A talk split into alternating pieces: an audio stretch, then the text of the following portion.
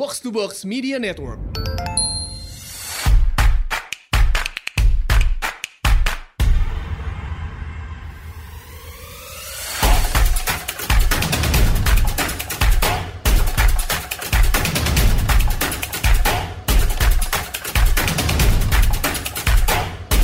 Selamat datang di Asumsi Bersuara. Kali ini kita akan bahas tentang olahraga. Kita semua tentu baru berbangga hati dan bersuka cita gitu menyambut kembalinya Piala Thomas ke tanah air. Ini sebuah prestasi yang uh, terakhir ditorehkan hampir 20 tahun yang lalu di tahun 2002. Tahun 2002. Um, tapi sayangnya di tengah kebanggaan ini agak sedikit tercoreng gitu ya dengan tidak berkibarnya bendera merah putih saat upacara penyerahan piala gitu dikarenakan kita dianggap tidak comply dengan adanya uh, dengan program penerapan uh, anti doping dari WADA atau World Anti Doping Agency gitu. Nah, hari ini uh, kita kedatangan Mas Ainur Rohman, uh, editor olahraga dari uh, Jawa Pos. Mas Ainur, selamat datang di Asumsi Bersuara, Mas. Terima kasih udah bersedia ngobrol-ngobrol sama kita. Halo Mas Re, sehat ya. Terima kasih sudah diundang. Uh, agak sedikit meluruskan, aku hmm. setahun belakangan di jawapos.com sebenarnya. Di, di jawapos.com. Oke. Okay. Ya, sekarang ngurus online-nya ya. Oke, okay, oke, okay, Mas. Okay. Mungkin mungkin pertama-tama sebelum kita ke masalah anti dopingnya, Mas, mungkin um, aku pengen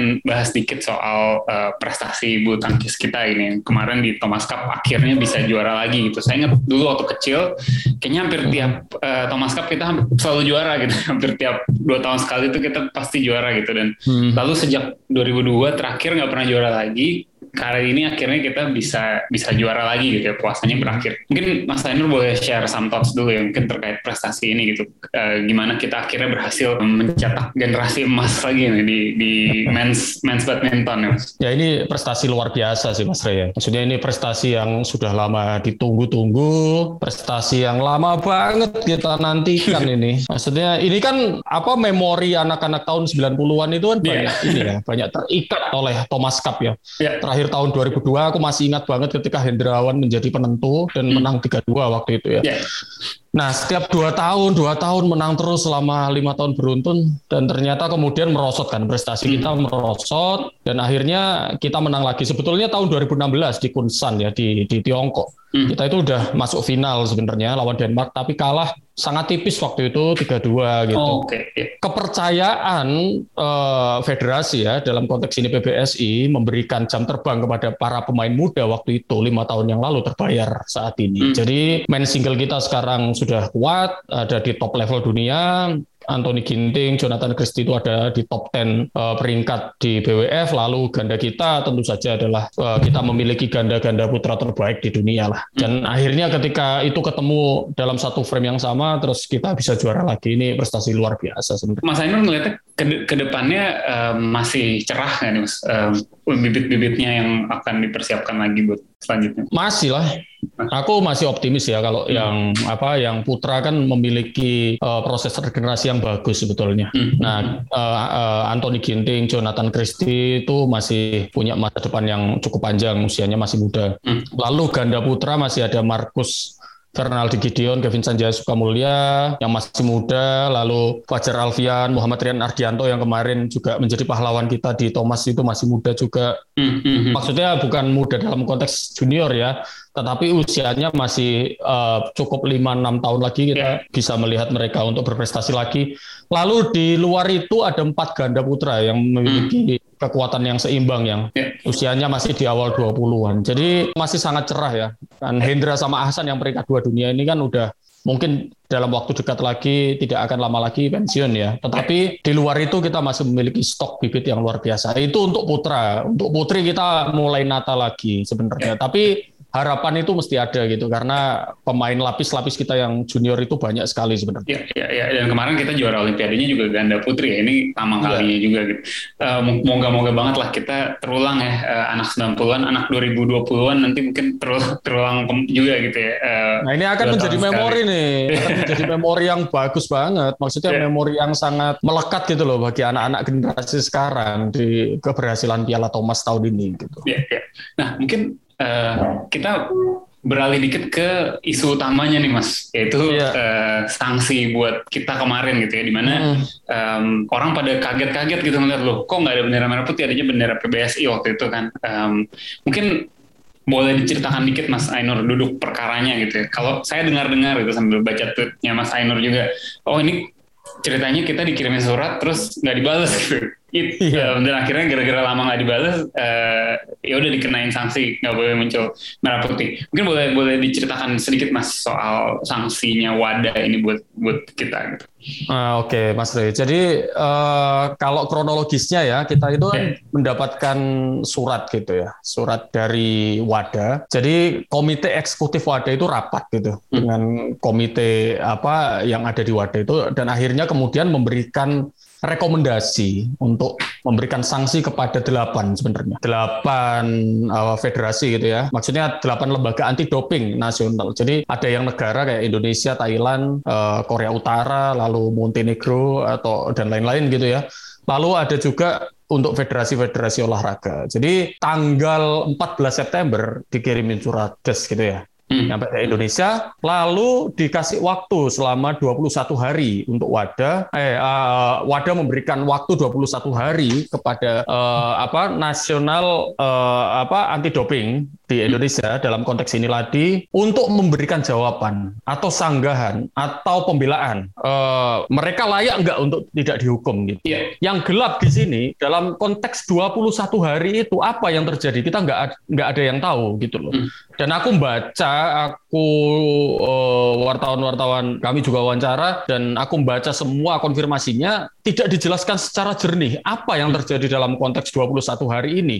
Hmm. Sejak surat dari Wadah itu turun tanggal 14 September itu nggak nggak ada yang tahu karena beberapa federasi kayak misalnya uh, Federasi Jerman di Belgia ya, lalu yeah. Federasi Montenegro apa dan lain-lain itu menjawab dan kemudian sanksi wadah itu dicabut. Jadi non compliance-nya dicabut menjadi status watchlist gitu. Hmm. Nah, negara kayak Thailand, eh, Korea Utara dan Indonesia itu tidak mampu memberikan jawaban dalam konteks waktu 21 hari itu sehingga kemudian sanksi itu turun gitu loh. Hmm. Yang mengecewakan sebetulnya bagi saya adalah dalam konteks 21 hari itu apa yang terjadi? Itu yang itu tidak pernah terjawab gitu loh. Apa yang yang terjadi? Apakah betul misalnya lah mengirimkan surat bantahan atau surat pembelaan tetapi kemudian tidak sesuai dengan standar wadah ataukah justru tidak melakukan apa-apa itu hmm. yang yang gelap sehingga kemudian pada tanggal 7 Oktober tahun ini ya tahun 2021 yeah.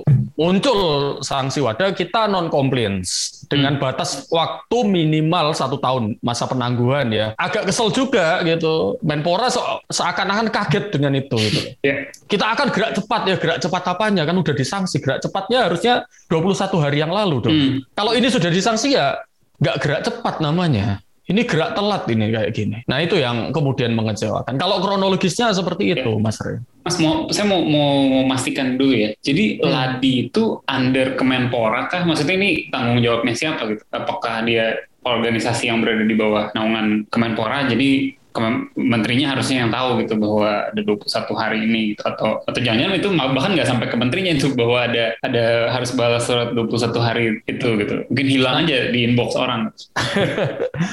Nah lagi itu sebetulnya kan terbentuk berdasarkan amanat undang-undang sistem keolahragaan nasional ya. Hmm, jadi okay mereka itu adalah lembaga independen sebenarnya. Hmm. Mereka lembaga independen atau non struktural, tetapi hmm. tetap di bawah payung Kemenpora karena oh, okay. hmm. ketua dewan pembinanya itu Menpora, ex hmm. officio itu yeah. Menpora. Jadi harusnya semua komunikasi atau semua permasalahan yang dialami Ladi itu itu juga harusnya nyampe juga di Kemenpora karena yang yeah. memfasilitasi semua, misalnya komunikasi dengan wadah dan lain-lain itu Kemenpora. Karena ini bukan kasus yang pertama sebetulnya. Tahun 2016 kita pernah mengalami ini. Kita dihukum. Udah pernah juga. Udah pernah dihukum. Tahun, tahun 2016 uh, pada bulan November tahun 2016 kita pernah dihukum.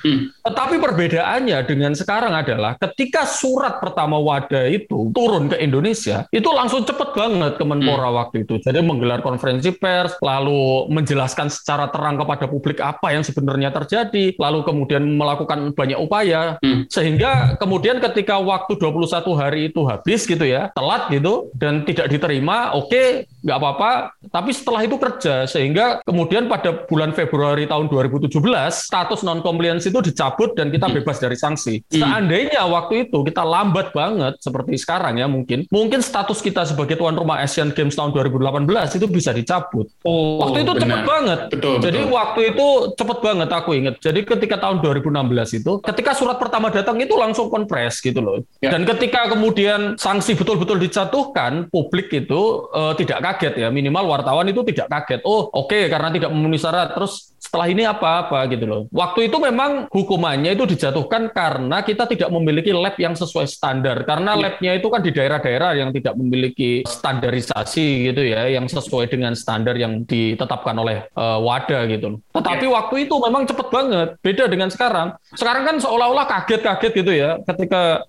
sanksi dijatuhkan padahal ada tenggat 21 hari yang dilakukan. Ngapain gitu loh? Kita nggak nggak pernah tahu itu gelap gitu. Ya ya ya waktu itu mau mau jelang Asian Games kita takut kali kalau misalnya sampai kenapa mungkin sekarang nggak kira kita bisa juara ya seuzonnya seperti itu ya. Mas, tapi uh, apa jadi kalau Mas Ainur lihat ini sebenarnya purely masalah administratif for now ya. Masalah administratif bukan karena memang atau atau jangan-jangan memang ada ada yang bermasalah masalah dalam program anti doping kita. Jadi ini masalah administrasi sebetulnya. Jadi hmm. ma masalah administrasi. Kalau masalah doping itu kan yang paling parah itu ya kan Rusia kan. Betul. Ya. Ya, waktu tahun 2014 ketika Olimpiade musim dingin di Sochi itu tuan rumah atau negara yang justru mensponsori adanya kecurangan-kecurangan doping. Betul. Ya. Memang sengaja Rusia waktu itu untuk hmm. mencurangi sistem itu. Nah, kita kan parahnya kita itu dihukum karena permasalahan administrasi yang tidak beres gitu loh. Masalah administrasi yang tidak beres lalu komunikasinya itu juga terhambat apa hmm. dan lain-lain. Itu kan sebetulnya nyeseknya itu di situ sebetulnya. Kalau Jadi ketika kita, kita di Piala Thomas ya. iya udah nunggu lama 19 tahun, rasa sakit menantikan momen itu udah lama gitu loh. Dan ya. ketika momen puncaknya loh kok hormatnya ke bendera PBSI itu kan ya. nggak enak gitu loh. Kalau memang kita benar-benar curang terus dihukum, mungkin ya lebih rela gitu ya. Ini ya, bukan ya, memang kurang ajar, memang layak dihukum. Memang ya. Kalau ini cuma nggak balas nggak balas surat masalah kan, administrasi. ya.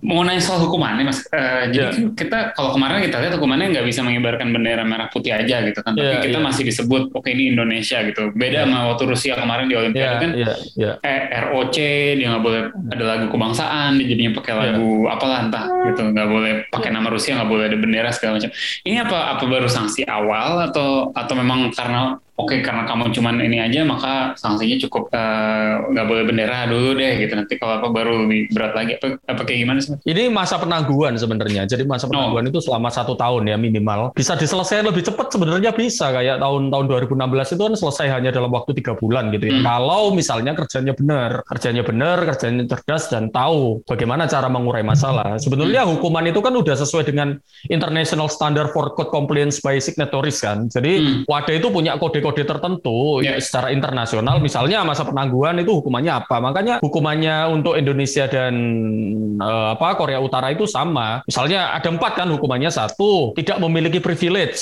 soal apa pun kegiatan yang melibatkan wadah termasuk dana ya jadi hmm. kita tidak mendapatkan dana dari wadah itu lalu hmm. yang kedua WNI tidak boleh duduk di board yeah. atau komite yang ada di wadah gitu. Nah hmm. ini hukumannya setahun. Ini setahun, jadi tidak bisa di otak-atik ya. ya. Yang kalau yang lain bisa dipercepat. Yang ketiga adalah tidak boleh menjadi tuan rumah event-event regional, benua, atau kejuaraan dunia, atau major event yang diselenggarakan oleh federasi internasional gitu ya. Kecuali Olimpiade dan Paralimpiade kita boleh. Hmm. Lalu bendera tidak boleh berkibar. Nah untuk kasus Rusia itu kan parah kan, hukumannya ya. kan sampai empat tahun waktu itu. Nggak hmm. boleh berkibar, nggak boleh eh, bendera nggak boleh berkibar, nggak ada lagu kebangsaan, lalu tidak boleh menyebutkan nama. Tapi Rusia kemudian kan usaha kan.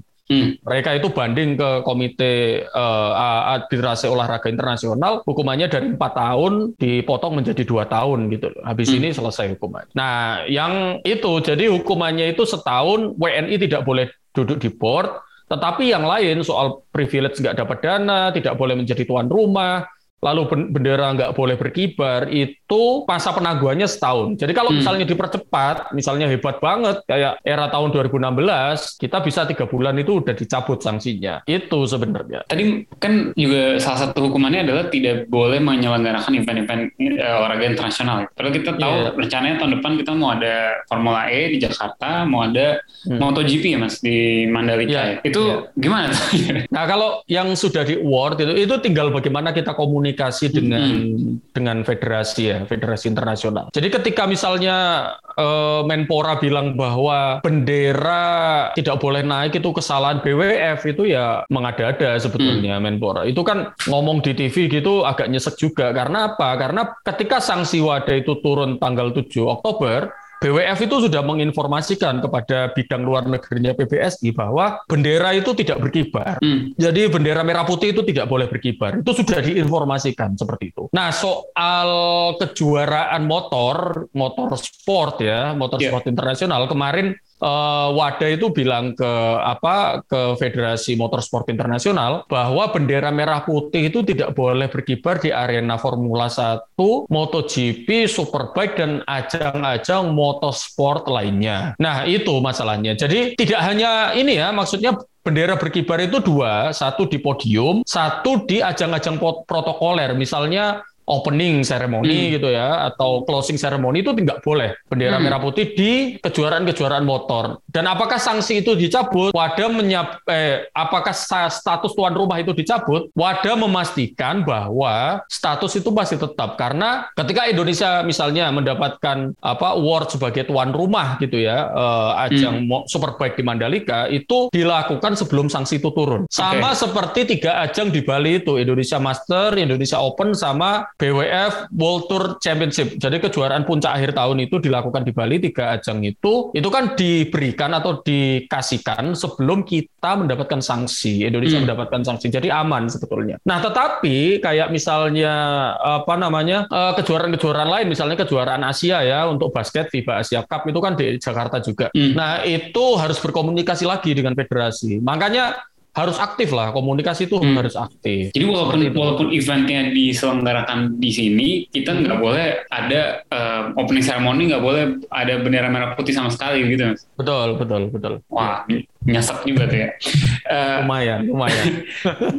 mau nanya juga ini, tadi kayaknya Mas uh, Ainur sempat sebut ya soal lab. Ya. Ini kok nggak salah kemarin dari Kemenpora juga bilang gitu bahwa banyak pending matters katanya dari dari kepengurusan sebelumnya. Salah satunya yaitu uh, tidak tersediaan laboratorium yang memadai untuk tes doping di Indonesia. Jadi katanya kita mesti kerjasama sama pihak di luar. Gitu. Mungkin boleh boleh dijelaskan Mas Ainur uh, kayak gimana sih sebenarnya sekarang kita keadaannya tuh uh, apakah tes doping tuh harus kirim sampel keluar gitu dapat hasil dari luar atau apa yang membuat kita kurang uh, apa ya ya dan juga masalah di 2016 kan juga itu kata Mas Ainur tadi. Iya, iya. Boleh dijelasin mungkin. Jadi kita itu masalahnya ya yang kemarin itu diungkapkan oleh Sekjen uh, eh, NOC Indonesia itu kan soal ada 24 pending matters yang harus dipenuhi. Jadi administrasi numpuk-numpuk gitu loh. Ini nggak selesai diabaikan, nggak selesai diabaikan, nggak hmm. selesai diabaikan. Akhirnya numpuk-numpuk menjadi 24 pending matters yang hmm.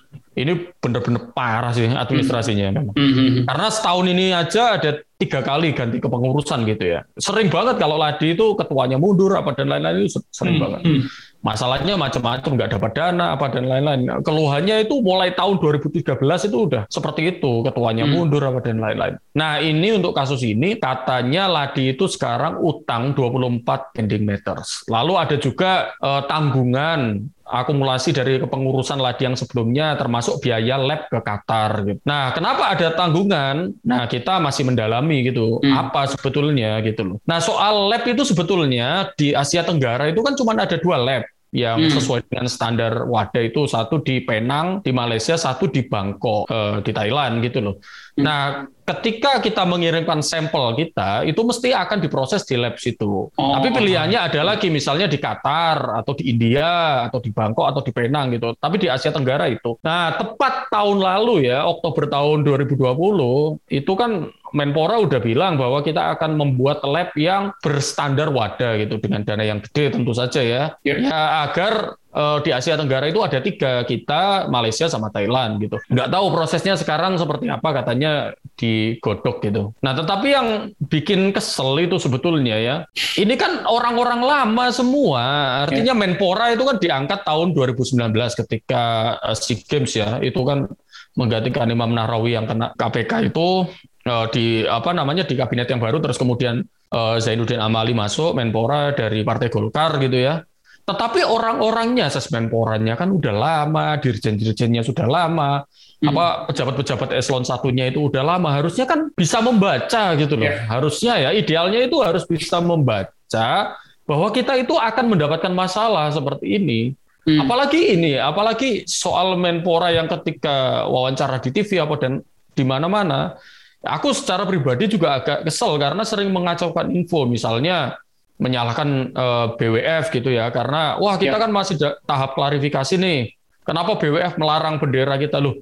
kita itu sudah dihukum bukan masalah bukan fase klarifikasi lagi gitu loh.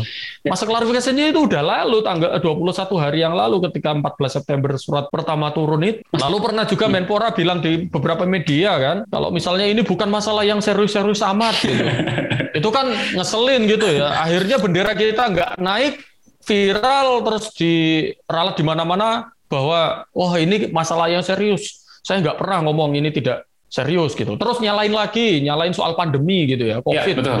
Nah, di semua negara kan mengalami COVID itu. Makanya Wadah itu menggalakkan out of competition drug testing. Jadi menjalani apa uh, drug testing di luar kompetisi gitu loh. Hmm. Karena sadar ini ada pandemi, tidak mungkin melakukan kompetisi internasional ataupun nasional, Makanya dilakukan auto competition drug testing. Jumlahnya meningkat tuh. Bisa dicek di situsnya Wadah itu. Peningkatannya puluhan ribu sampel di seluruh dunia itu karena justru sebelum Olimpiade Tokyo itu meningkat sekali out of competition drug testingnya. Lah kok kita malah alasan pandemi gitu loh. Maksudnya yep. di belahan dunia mana pun juga mengalami kan karena ini masalah pandemi global gitu loh. Ya, ya, ya, Sebenarnya ya. itu sih. Tadi kan Mas Anu bilang ada 24 pending mattersnya ada ada 24 item tuh ya totalnya. Iya. Dan dan juga Mas Andrew bilang kalau lab internasional itu sebenarnya cuma ada dua gitu di, di ASEAN gitu. Kita berarti kan, berarti kan negara-negara lain pun juga nggak punya gitu kan. Mereka juga harus akan kirim ke Bangkok atau Penang atau ke India dan lain-lain. Ya sebenarnya itu juga bukan masalah dong bahwa kita nggak punya lab internasional. Nggak masalah tuh yang lain-lain yang yang lain-lain itu yang 24 itu itu apa iya. ya masalah administrasi itu kan hmm. kita juga nggak tahu apa 24 oh, nggak di kita nggak ya? tahu nggak di di, di share ya oh. di, di di wadah pun tidak disebutkan apa hmm. yang penting kita dihukum karena tidak menjalani uh, atau tidak menjalankan tes doping sesuai dengan standar gitu ya. Yeah, yeah. Tetapi yeah. apa detailnya kan tidak disebut. Yeah. Tetapi kan wadah itu punya soal standar itu kan sangat ketat ya namanya anti doping ada standar untuk testing dan investigasi, standar untuk laboratorium, standar untuk bagaimana menggunakan obat-obatan, standar bagaimana apa list yang prohibited obat-obatan yang dilarang gitu ya. Terus standar privacy dan personal information standar for education apa dan lain-lain itu banyak sekali. Apalagi soal lab itu banyak sekali. Rule violationnya proof of dopingnya analisis sampelnya itu banyak banget gitu loh Ya, ya, nah ya. kita kan nggak tahu masalah administrasi ini apa gitu. Kok sampai 24 pedimeters itu kan berarti parah banget gitu loh. Saya juga baca ya mas. Um, jadi kalau nggak salah ada um, Eko Yuli ya, Eko Yuli uh, lifter uh, kita ya. Kan dia memberi pernyataan tuh bahwa kalau pas kemarin di PON itu hmm. uh, hanya yang dapat emas aja yang yang dites doping gitu. Padahal uh, harusnya kan katanya ya semua gitu atau mungkin minimal random gitu kan di di yeah. dipilih random gitu siapa aja yang uh, apa harus tes doping gitu. Kalau nggak salah uh, ada ada lagi nih uh, mantan mantan karateka ya Sandi Wirawan mengaku tidak pernah melakukan tes doping selama karir profesionalnya. Sebenarnya kenapa ini mas? Emang ada masalah yang lebih besar kah gitu? Um, kenapa? Emang mahal ya kirim tes doping itu jadi pilih-pilih hanya yang juara aja yang kirim atau gimana masalahnya? Harusnya enggak sih, harusnya semua ya yang dites doping itu karena hmm atlet kita, elit kita itu biasanya kalau kena tes doping itu ya kalau positif itu bukan di dalam negeri sebetulnya hmm. di luar negeri kayak tahun 2013 tuh ada Indra Gunawan ya salah satu perenang elit kita itu ya kena tes doping hmm. lalu sebelum Olimpiade ini ada lifter kita namanya Aca Dea Jaga Dita itu pernah kena. Harusnya Ladi intensif melakukan pendampingan, edukasi hmm. kepada para atlet, lalu tes secara berkala gitu-gitu itu harus dilakukan sebetulnya. Nah kalau tidak pernah menjalani tes secara rutin gitu ya kita nggak akan tahu. Tetapi bahayanya bahayanya kan seperti itu. Ketika kita misalnya menjalani tes doping di luar negeri gitu dan kemudian diketahui bahwa sampelnya positif doping itu kan menjadi masalah juga bagi Indonesia hmm. gitu. Ya harusnya diselesaikan di sini gitu. Harusnya diselesaikan di sini.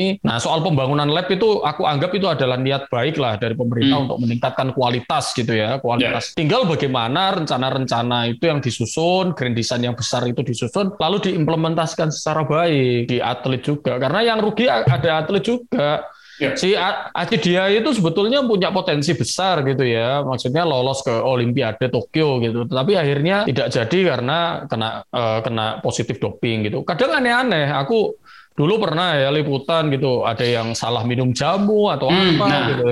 Jadi, nah itu kan karena hmm. tidak ada pendampingan atau edukasi yang intensif dari Ladi, uh, tidak ada sosialisasi yang yang sangat baiklah harusnya seiring sejalan. Jadi atlet itu juga berja, uh, apa, belajar Ladi juga memberikan sosialisasi terhadap atlet bagaimana menghindari obat-obatan yang dilarang. Dan itu kan gerak terus kan jadi diupdate terus diupdate terus. Terakhir yang soal standar lab itu kan diupdate terus tahun lalu juga diupdate terus jajat yang terlalang itu juga diupdate. Nah seperti itu hmm. sih itu ini ya mas uh, itu benar itu salah minum jamu um, terus iya. di, jadi sering itu, itu belum itu sering kejadian ya maksudnya um, sering sering. atletnya mungkin nggak tahu dia sebenarnya maksudnya yeah. bukan ada niat buruk gitu enggak, ya enggak Iya, yeah. saya pernah ya, baca. sering kayak hmm. salah minum obat, obat milu, terus salah minum jamu apa apa gitu. Ser ada beberapa kejadian seperti itu gitu loh. Jadi jadi nggak nggak nggak apa namanya nggak niat curang gitu loh, tetapi karena keteledoran gitu. Iya, saya, saya pernah baca kalau nggak salah uh, Dominic Thiem ya petenis tuh dia nggak mau minum apa pun kalau nggak dibuka di depan mata dia gitu. Takut, takut ada di, dicampur apa yeah. gitu kan dia jadi kena gitu. Oh, baru baru ini juga yeah. ada um, ngeri juga sih ya kalau ngeri juga. itu juga yeah. kalau nggak testing uh, secara berkala ya, ya kayak gitu juga.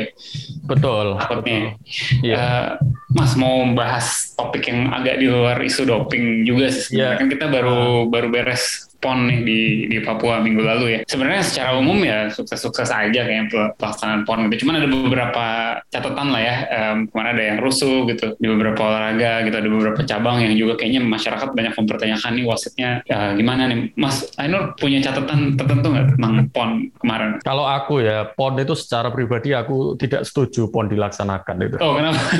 Wah, kenapa nih? aku udah lama sih sebenarnya tidak setuju PON dilaksanakan. Ini dalam konteks olahraga olahraga ya. Aku tidak ngomong soal apa pemerataan pembangunan, hmm. soal perhatian pusat terhadap daerah, tidak dalam konteks itu. Hmm. Kalau dalam konteks olahraga, menurutku PON itu adalah uh, proyek yang buang-buang anggaran sebetulnya. Kenapa tuh? Jadi anggaran misalnya ya untuk PON yang di Papua itu kan anggaran yang menyerap APBN itu kan mencapai 10,4 triliun gitu ya. Itu yeah. besar sekali karena anggaran untuk Kemenpora sendiri untuk satu tahun itu untuk tahun anggaran tahun 2021 itu hanya sekitar 2 triliun lebih sedikit gitu. 2,3 apa 2,5 gitu ya. Dan itu menurun tahun 2022 turun jadi 1,9 triliun. Hmm. Nah, kalau dibandingkan dana PON yang sebegitu besar itu kan jauh banget sebetulnya. Tetapi secara konteks olahraga sebetulnya nggak nggak berdampak apa pun. Jadi sejak PON pertama kali dilakukan, kalau PON pertama dilakukan ya, kalau misalnya dulu di Solo itu PON pertama yang menjadi cikal bakal Hari Olahraga Nasional itu kan jelas, misalnya untuk persatuan dan kesatuan gitu ya, karena hmm. ini negara yang baru gitu. Nah, tetapi semakin ke sini substansi dan esensinya itu semakin berkurang gitu loh.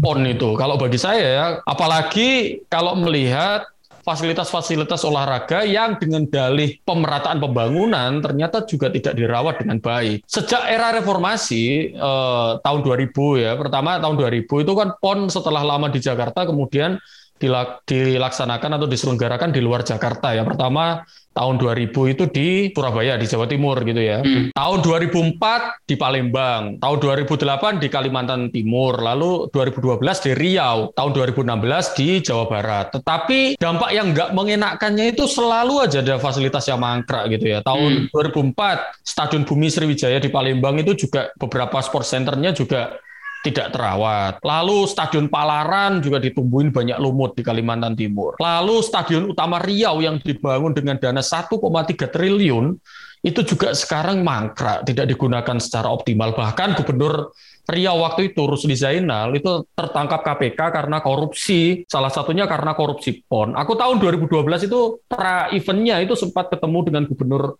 Rusli Zainal itu sempat ngobrol apa dan lain-lain soal PON ini bagaimana dan aku juga diajak ke Stadion Utama Riau itu hmm. dan melihat memang megah banget gitu loh. Ya. Uh, memang megah terus bagus fasilitasnya rumputnya luar biasa tetapi tidak sustainable gitu loh. Ini mahal stadion 1,3 triliun tapi tidak sustainable tidak setelah PON itu digunakan untuk apa itu juga tidak digunakan hmm. secara baik gitu loh. Akhirnya ditumbuhin rumut dan ujung-ujungnya gubernurnya kena kasus korupsi dan ditangkap KPK. Lalu tahun 2016 di Jawa Barat, Gelora Bandung Lautan Api itu tidak terawat juga. Hmm. Sempat viral juga di media sosial, ilalang tumbuh di mana-mana menutupi itunya bahkan Piala Menpora kemarin juga tidak masuk standar kan Gelora Bandung Lautan Api dipindah di uh, Kabupaten Bandung itu kan di Kota Bandung ya yang Gelora yeah. Bandung Lautan Api ini karena dampak-dampaknya itu membuat aku ya kalau dalam konteks olahraga ya kacamata olahraga memandang PON itu hanyalah proyek buang-buang anggaran aja hmm. jadi hmm secara konteks prestasi tidak ada apa pun yang bisa kita dapatkan dari PON gitu. Nggak ada sama sekali. Ini problem klasik semua kota penyelenggara olimpiade juga sebenarnya di Brazil itu kayaknya banyak banget juga tuh uh, apa di Rio itu. Cuman ya, dua sih, cuman dua yang yang kena seperti itu Athena, Athena sama, sama di Rio de Janeiro. Oh, Jadi ya. ketika negaramu atau kotamu tidak memiliki kultur olahraga yang baik gitu, ya, ya dampaknya akan seperti itu. Kalau misalnya di London itu kan kultur olahraganya baik ya. Lalu hmm. kemudian mereka juga pembangunannya itu juga tidak dengan permanen gitu banyak yang temporer bongkar pasang dan ya. lain-lain ya. akhirnya bagus kayak Jakarta juga bagus kan maksudnya tidak ada yang sampai kemarin ya. ah, nggak sampai yang terbengkalai atau tidak terawat dengan baik atau mangkrak apa dan lain-lain nah kalau tidak memiliki kultur olahraga yang bagus sebuah kota akan seperti itu gitu loh dan itu juga terjadi di tuan rumah PON mulai tahun 2004 sampai tahun 2016 ya semoga aja yang Papua ini presiden kan sudah mewanti-wanti supaya fasilitas ya. PON ini juga tidak mangkrak seperti sebelum-sebelumnya ya. gitu loh. Berarti harusnya di Jakarta aja mas setiap 4 tahun itu kan udah siap semua fasilitas kayak balik kayak Orde Baru. Ya kalau dalihnya prestasi menurut saya PON itu dihilangkan diganti dengan kejuaraan-kejuaraan nasional aja setiap hmm. tahun. Tapi kan ini dalihnya adalah dalih pemerataan, perhatian hmm. pusat terhadap daerah gitu-gitulah. Yang dalam konteks olahraga sebetulnya nggak nggak nggak nyambung gitu loh. Di Tiongkok itu misalnya, nah, Tiongkok, kan, ya. Tiongkok kan ada national games. Ada, tetapi nggak nggak seheboh di Indonesia. Indonesia kan untuk oh. seremoni nomor satu lah opening ceremony ini dahsyat, closingnya dahsyat, tetapi secara substansial hampa gitu loh, kosong gitu. Nah contoh Tiongkok ya, Tiongkok itu memang hmm. mengadakan uh, China Games ya, uh, kejuaraan nasional Cina. Yeah. Nah, tetapi mereka itu juga memberikan perhatian yang sangat luar biasa terhadap pembinaan atletnya hmm. dan tidak hanya atlet elit ya, ada layer-layernya sampai lima layer gitu ya. Mm-hmm. Nah, Tiongkok itu punya namanya proyek 119 Tiongkok. Nah, anggarannya per tahun itu untuk pengembangan empat cabang olahraga, atletik, renang, kano sama layar itu mencapai 140 triliun hmm. per tahun demi untuk mendapatkan emas olimpiade. Nah, program tersebut ditengarai menjadi salah satu sebab Tiongkok itu amat didaya ya. Hmm. Setiap kali olimpiade digelar mesti persaingannya dengan Amerika Serikat udah yeah. seperti itu. Jadi saingannya itu itu. Kalau dia di Asian Games udah nggak ada saingan lah. Hmm. Nah, berapa anggaran olahraga Indonesia? Itu kan cuma 2 triliun ya. Habis ini turun lagi. Bandingkan dengan Tiongkok yang mencapai 140 triliun per tahun. Hmm. Dibandingkan dengan kementerian-kementerian lain, eh, di Kemenpora itu sangat sedikit banget. Jadi kalau empat besarnya itu kan Kementerian Pekerjaan Umum, itu anggarannya 150 triliun. Nomor dua Kementerian Pertahanan, itu 137 triliun. Nomor tiga Kepolisian dan Pol dan TNI itu 100 12 triliun. Nomor 4 Kementerian Sosial yang kemarin rame-rame gara-gara korupsi itu nomor 4 92,8 triliun. Bahkan dengan Kementerian Agama, Kementerian Olahraga itu nggak ada apa-apanya. Kementerian Agama itu nomor 7 itu 67 triliun. Jadi nggak ada apa-apanya olahraga kita uh, soal anggaran gitu loh. Mm-hmm. Nah itu pun itu pun menterinya kena korupsi gitu loh yang yeah. kemarin itu. Bagaimana kemudian PON itu uh, berhasil untuk uh, apa namanya sesuai dengan tujuannya misalnya pemerataan pembangunan apa dan lain-lain dan match dengan prestasinya ya ini aja gitu loh pembinaannya ditingkatkan anggarannya dibesarkan gitu loh. Karena tanpa anggaran yang gede nggak akan bisa olahraga itu. Udah pasti dijamin itu. Tanpa anggaran yang gede itu nggak akan bisa. Tetapi kita kan harus kreatif gitu loh. Jangan kemudian duitnya itu semua dari APBN terus. Nah betul. Kayak misalnya Inggris kayak Inggris ya. Inggris itu hmm. dari dana lotre gitu untuk Betul. membiayai olahraganya. Lalu kemudian ada juga salah satu proyek yang sangat aku kagumi gitu namanya Astana Project yang dilakukan oleh Kazakhstan. Itu tim Astana kan menjadi salah satu balap sepeda yang disegani di dunia itu salah satunya dengan lewat Astana Project itu. Jadi pemerintah Kazakhstan itu menodong semua BUMN-nya untuk merawat satu jenis olahraga satu jenis olahraga. Jadi semacam nah, bapak asuh hmm. gitu. Hmm. Nah, seperti itu. Atau atau juga bisa dilakukan seperti Korea. Korea juga seperti itu. Misalnya panahan. Panahannya itu Korea kan sangat dominan di olimpiade.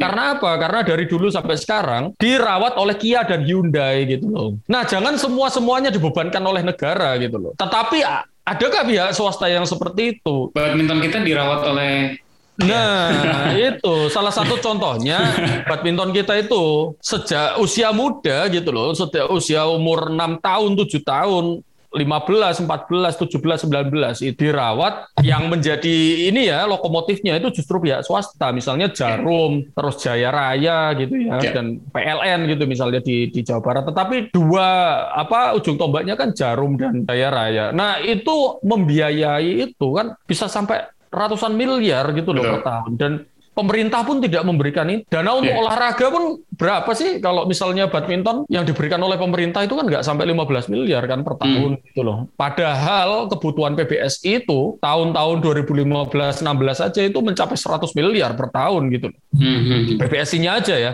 Untuk merawat itu itu kan membutuhkan dana yang sangat besar sekali dan swasta untuk konteks ini yang paling berhasil ya cuman badminton. Nah di luar badminton ada nggak yang seperti itu? Nah pemerintah yang harus kreatif sebetulnya untuk menjadi mencari sumber pendanaan supaya tidak terlalu membebani anggaran negara gitu loh. Ini menarik sih mas paradigmanya kan uh, bisa yang benar-benar fully disupport negara tadi kayak kayak China misalnya atau kalau Amerika misalnya itu sama sekali tidak disupport negara kan mereka yeah. tim uh. tim USA Fund itu benar-benar ya CSR atau kontribusi masyarakat aja gitu yang mendanai tapi mereka sukses juga gitu yeah. kita mesti bisa mencari balance-nya kali mas iya iya. Kalau Amerika um, hmm. hampir mirip Jepang ya basisnya hmm. itu adalah sekolah gitu ya mulai sekolah gitu komunitas hmm, SMP lalu SMA lalu college gitu. Udah jelas Jepang juga di situ gitu loh. Maksudnya banyak lah kita mau meniru sistem yang mana gitu. Hmm. hmm kan kemudian uh, gebiar-gebiar gitu ya, seremonialnya itu gede tapi nggak ada substansi. Karena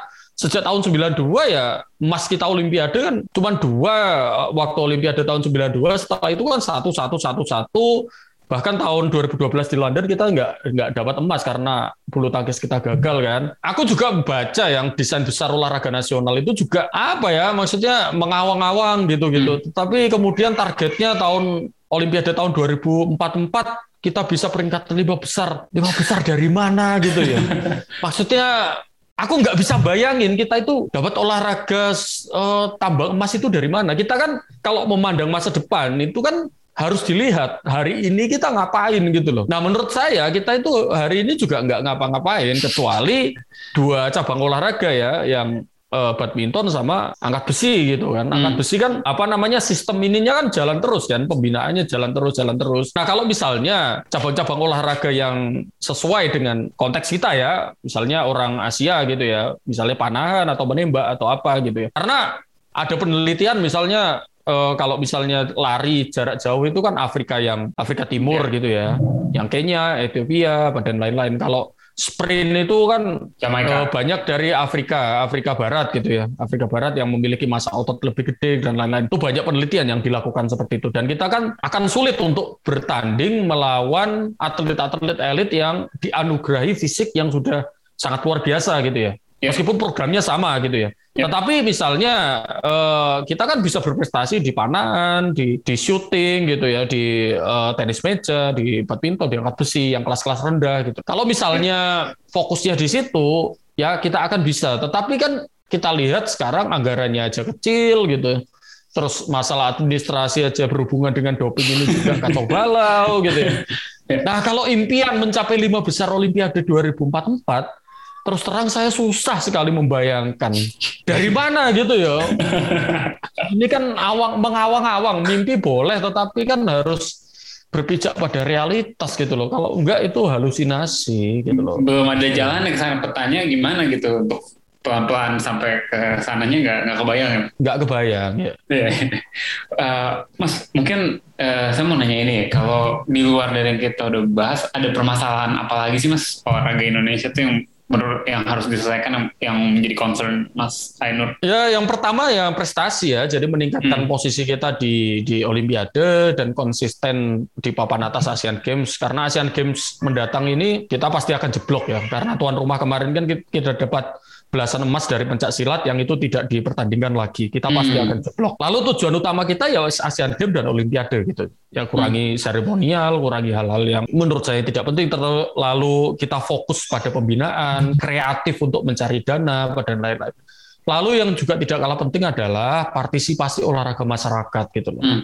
Jadi idealnya itu kan 70% gitu ya. Warga negara itu berolahraga gitu. Tidak atlet elit tetapi atlet apa namanya warga negara biasa ya seperti saya dan Mas Rey gitu ya hmm. yang olahraga yang menjadi way way of life kita gitu. Jadi menjadi hal-hal yang kita lakukan secara kebiasaan day per day dan yeah. membuat kita sehat gitu. Kan warganya sehat, negara juga sehat gitu ya. Mensana incorpore sano lah ya. Yeah, yeah. Itu Seperti belum itu. belum begitu menjadi perhatian pemerintah Mas Ainur. Belum. Targetnya yeah. kan desain-desain olahraga nasional tahun 2045 itu 70% warga itu kan berolahraga. Hmm. Nah sekarang kan fasilitas untuk warga itu juga sangat minim ya. Maksudnya yeah kalau di pedesaan gitu apa dan lain-lain kan sulit sekali untuk menemukan fasilitas olahraga yang mumpuni juga pelatih-pelatih yang bagus apa dan lain-lain gitu loh. Iya, iya, iya. Itu problemnya seperti itu. Mas Ainur, kita dari saya udah nggak ada pertanyaan lagi sih sebenarnya untuk untuk hmm. diskusi kita kali ini. Tapi mungkin kalau ada hal lain yang Mas Ainur rasa penting nih buat diketahui pendengar kita, misalnya tentang uh, anti doping tadi atau tentang uh, isu apa pun uh, di olahraga Indonesia, Mas Ainur mungkin ada nggak Mas yang yang kayaknya penting nih uh, pendengar kita dengar? Ya kalau aku sih ini ya, karena kita kan sedang mengalami salah satu fase terburuk ya salah satu fase terburuk dalam sejarah olahraga Indonesia gini. Hmm. Karena bendera Indonesia tidak bisa dikibarkan itu kan ngeri gitu ya. Maksudnya hmm. itu kan simbol ya. Hmm. Maksudnya di Undang-Undang Dasar 45 juga diatur bahwa itu adalah apa identitas implementatif kita. Gitu. Jadi kalau misalnya Bu Puan Maharani ngomong berkibar di dada ya nggak bisa lah. Maksudnya ini kan identitas implementatif. Ada juga lambang negara yang merupakan identitas fundamental gitu. Ini identitas implementatif yang di, diatur di Undang-Undang Dasar 45 juga di undang-undang. Warga harus kritis gitu ya terhadap itu. Jadi dikawal terus gitu ya bagaimana kerjanya gitu ya. Nah di tengah teror misalnya ada undang-undang ITE apa dan lain-lain kita harus kritiknya itu kritik yang apalah ya yang yang cerdas, yang elegan gitu supaya tidak itu. Tetapi memang harus dikawal terus karena ya. masa depan kita itu kan akan buruk sekali kita tidak tidak bisa bidding, bendera kita tidak berkibar, atletnya jelas gitu. Ketika Indonesia Raya hormatnya kepada bendera federasi itu kan nggak match gitu ya. Hmm. Di mana-mana kan merah putih dan itu kan diperjuangkan betul gitu ya. Maksudnya ketika perang itu berakhir gitu ya, pahlawan utama sebuah bangsa itu sebetulnya adalah atlet gitu yang bisa mengibarkan dengan cucuran keringat, air mata bahkan pengorbanan darah gitu untuk mengibarkan bendera merah putih di panggung internasional di luar negeri itu kan bukan perkara yang anu kan bukan perkara yang enteng gitu bukan ya. perkara yang mudah gitu ya. Bagaimana atlet menangis gitu. Kalau kita upacara setiap Senin gitu kan tidak kerasa getarnya kan tapi hmm, ketika hmm bendera merah putih itu diperjuangkan dengan begitu pengorbanan yang sangat luar biasa, itu kan rasanya di dada itu luar biasa ya, tidak hanya atletnya. Kita aja yang nonton itu nangis, Pak, ketika Grecia ya. Poli Apriani Rahayu menyanyikan lagu Indonesia Raya terus kita melihat bendera merah putih di Tokyo itu kan nangis, Pak. Aku ya. aja nangis sesungguhan dan saya kira yang seperti aku ini udah banyak sekali di Indonesia karena haru kita tahu bahwa bendera ini diperjuangkan dengan sangat luar biasa supaya bisa berkibar dan sekarang nggak bisa berkibar itu kan merupakan sebuah hal yang coreng sebetulnya mencoreng identitas kebangsaan kita mencoreng apa namanya uh, uh, harga diri bangsa Indonesia sebetulnya. Iya, iya, iya.